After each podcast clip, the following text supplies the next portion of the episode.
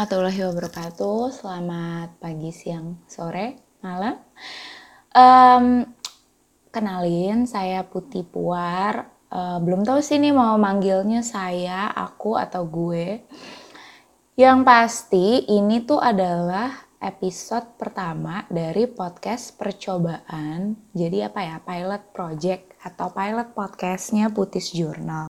Sebenarnya sih awalnya aku tuh nggak tertarik bikin podcast. Aku merasa suara aku tuh kurang bina vokalia oriented gitu. Eh, oriented, kurang bina vokalia material. Tapi sebenarnya justru suami aku yang kayak, ayo ah, aku pengen ah bikin podcast. Kemudian aku tuh jadi mikir, uh, apa aku juga ya nyoba aja ah bikin podcast gitu. Kalau ditanya kenapa, sebenarnya karena aku tuh lagi pengen nyoba-nyoba aja untuk menampilkan konten yang panjang dalam bentuk yang lain. Jadi makanya aku nyebutnya ini podcast Putis Journal karena sebenarnya aku tuh nggak berniat untuk menciptakan sesuatu yang baru banget, tapi lebih ke kayak gimana aku bisa mentransform atau kayak membuat alternatif uh, cara untuk cerita selain di blog. Di blog sih akan tetap karena mungkin aku orangnya visual banget jadi lebih seneng baca aku pribadi ya. Tapi kayaknya um, kayak mungkin kita harus mulai mencari cara apa sih uh, media yang cocok untuk nge-share pemikiran-pemikiran yang agak lebih panjang. Karena kan zaman sekarang orang-orang tuh lebih kayak oh iya baca Instagram gitu. Bahkan untuk ngebaca captionnya aja pun kadang-kadang kalau nggak menarik-menarik banget katanya sih udah pada nggak terlalu tertarik. Lebih seneng kalau misalnya langsung di gambar Instagramnya. Oke jadi itu soal kenapa sih pengen nyobain podcast. Siapa tahu aku walaupun dengan suara aku yang mungkin terbatas dan kurang seksi ini ya nggak apa-apa siapa tahu message-nya tetap bisa nyampe.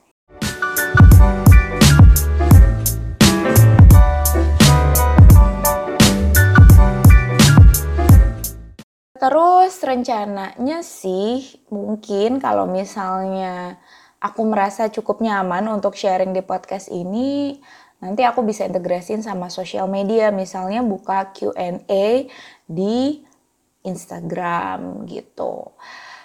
Hmm, terus, oh ya, um, ada sih, ada kayaknya satu atau dua message yang nanya, kenapa sih nggak ngevlog aja? To be honest, aku udah pernah nyoba ngevlog dan uh, aku merasa nggak nyaman. Nah, waktu itu aku juga mulai dari topik yang menurut aku aku paling nyaman, yaitu aku sharing nge-review buku.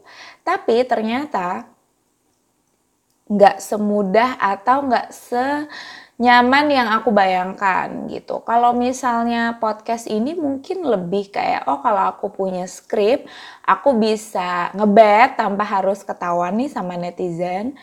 Um, kalau vlog kan nggak mungkin ya gitu ya mata harus ke kamera gitu. Jadi aku cuman sempet pernah kayak bikin dua atau tiga episode gitu aku nyoba sekali yang lagi jalan-jalan aku nyoba sekali yang syuting di rumah dengan properti seadanya tapi ternyata nggak nyaman.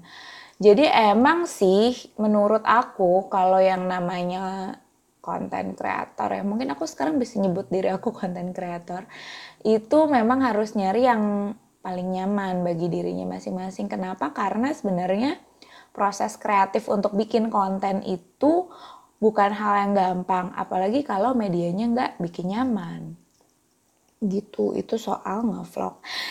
Tapi kalau ditanya, aku sampai sekarang nggak hapus si vlog itu, walaupun kadang-kadang aku kayak I'm a bit embarrassed with those uh, videos. Tapi aku merasa yang namanya mencoba itu nggak pernah rugi sih gitu.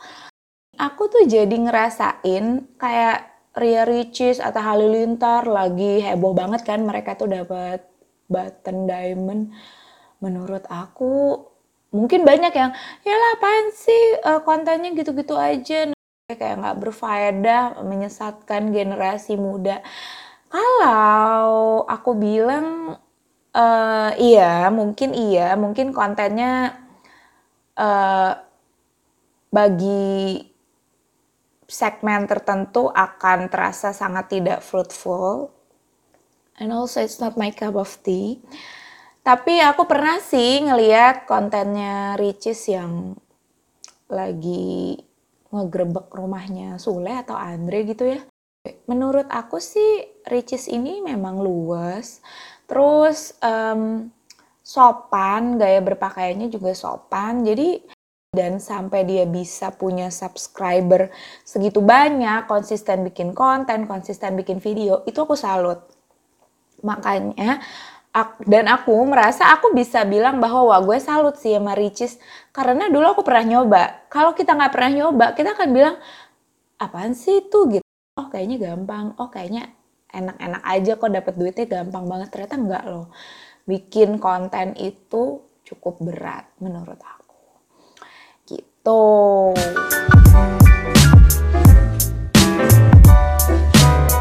Kayaknya ini ada berapa menit sih? Aku tuh kemarin kayak nanya-nanya gitu di Instagram Stories.